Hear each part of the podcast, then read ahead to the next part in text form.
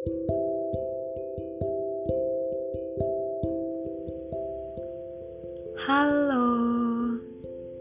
Pertama, aku mau minta maaf karena suara aku sepertinya terlalu lama tidak muncul menemani kalian.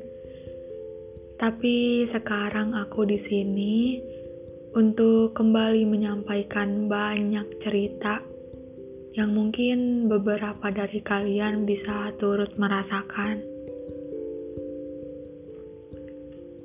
Jadi, beberapa waktu yang lalu ada seseorang. Dia orang asing yang datang ke kehidupanku secara tiba-tiba dan berhasil membuatku jatuh cinta. Tapi sejujurnya bukan dia yang datang, namun aku yang menemukannya. Aku menemukannya tanpa sengaja. Percaya atau tidak, itu rasanya seperti menyukai pandangan pertama. Sebelum bertemu dengannya, aku adalah orang yang tidak percaya tentang keajaiban cinta pandangan pertama.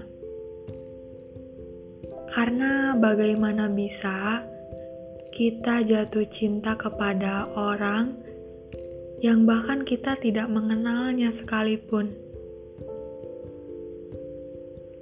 Kita tidak tahu dirinya seperti apa, Bahkan mungkin namanya saja kita tidak cukup mengetahuinya.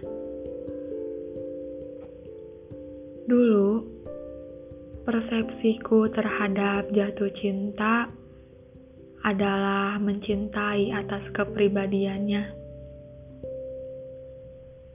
Aku bisa menjatuhkan hatiku kepada orang yang memiliki kepribadian baik terlepas dia tampan ataupun tidak.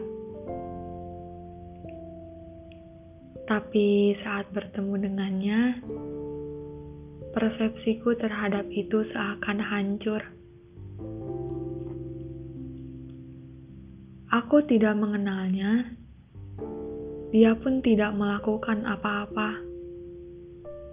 Dan itu kali pertama kita bertemu bahkan hanya dalam sebuah layar kaca. Tapi aku berhasil jatuh hati.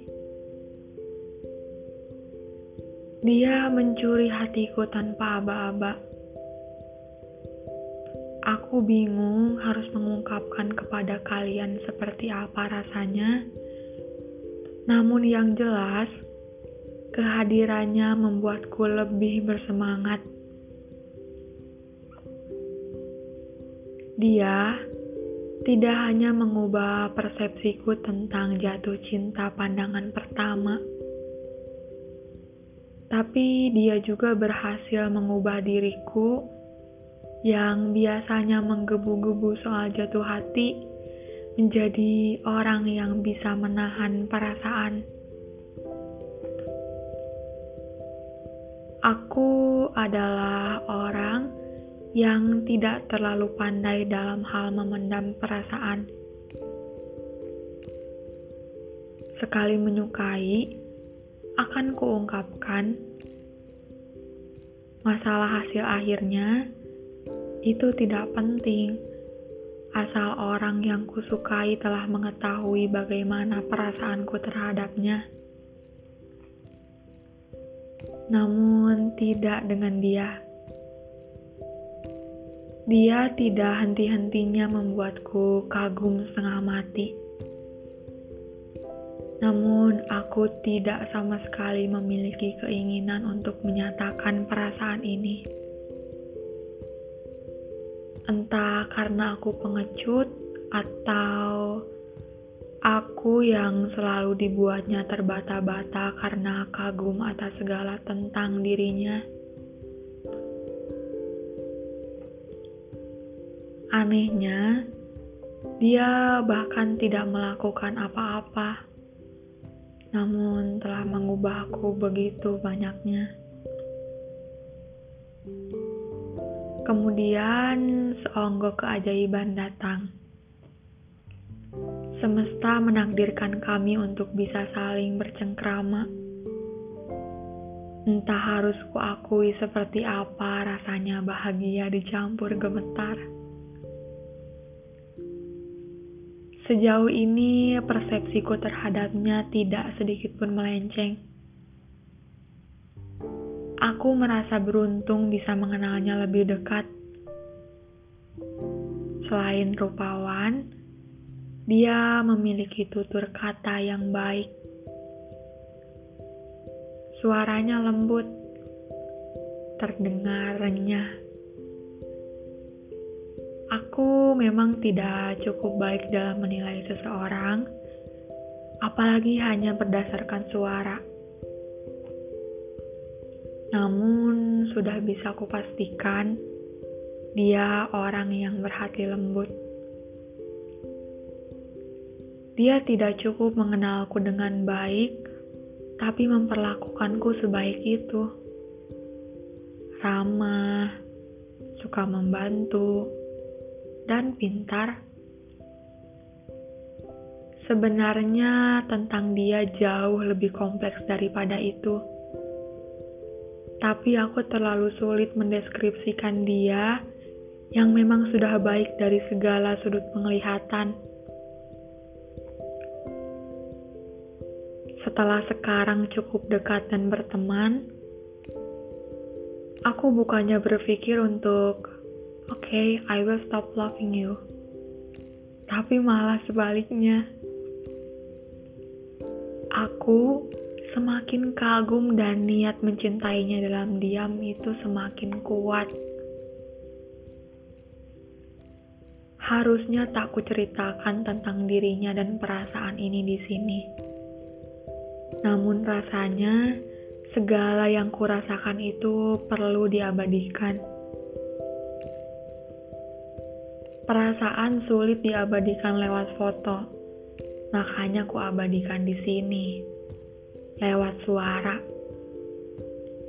Dan jikapun dia mendengarkan, semoga dia tidak menyadari jika aku sedang menceritakannya, karena yang aku tahu, dia adalah orang yang dingin dan sedikit cuek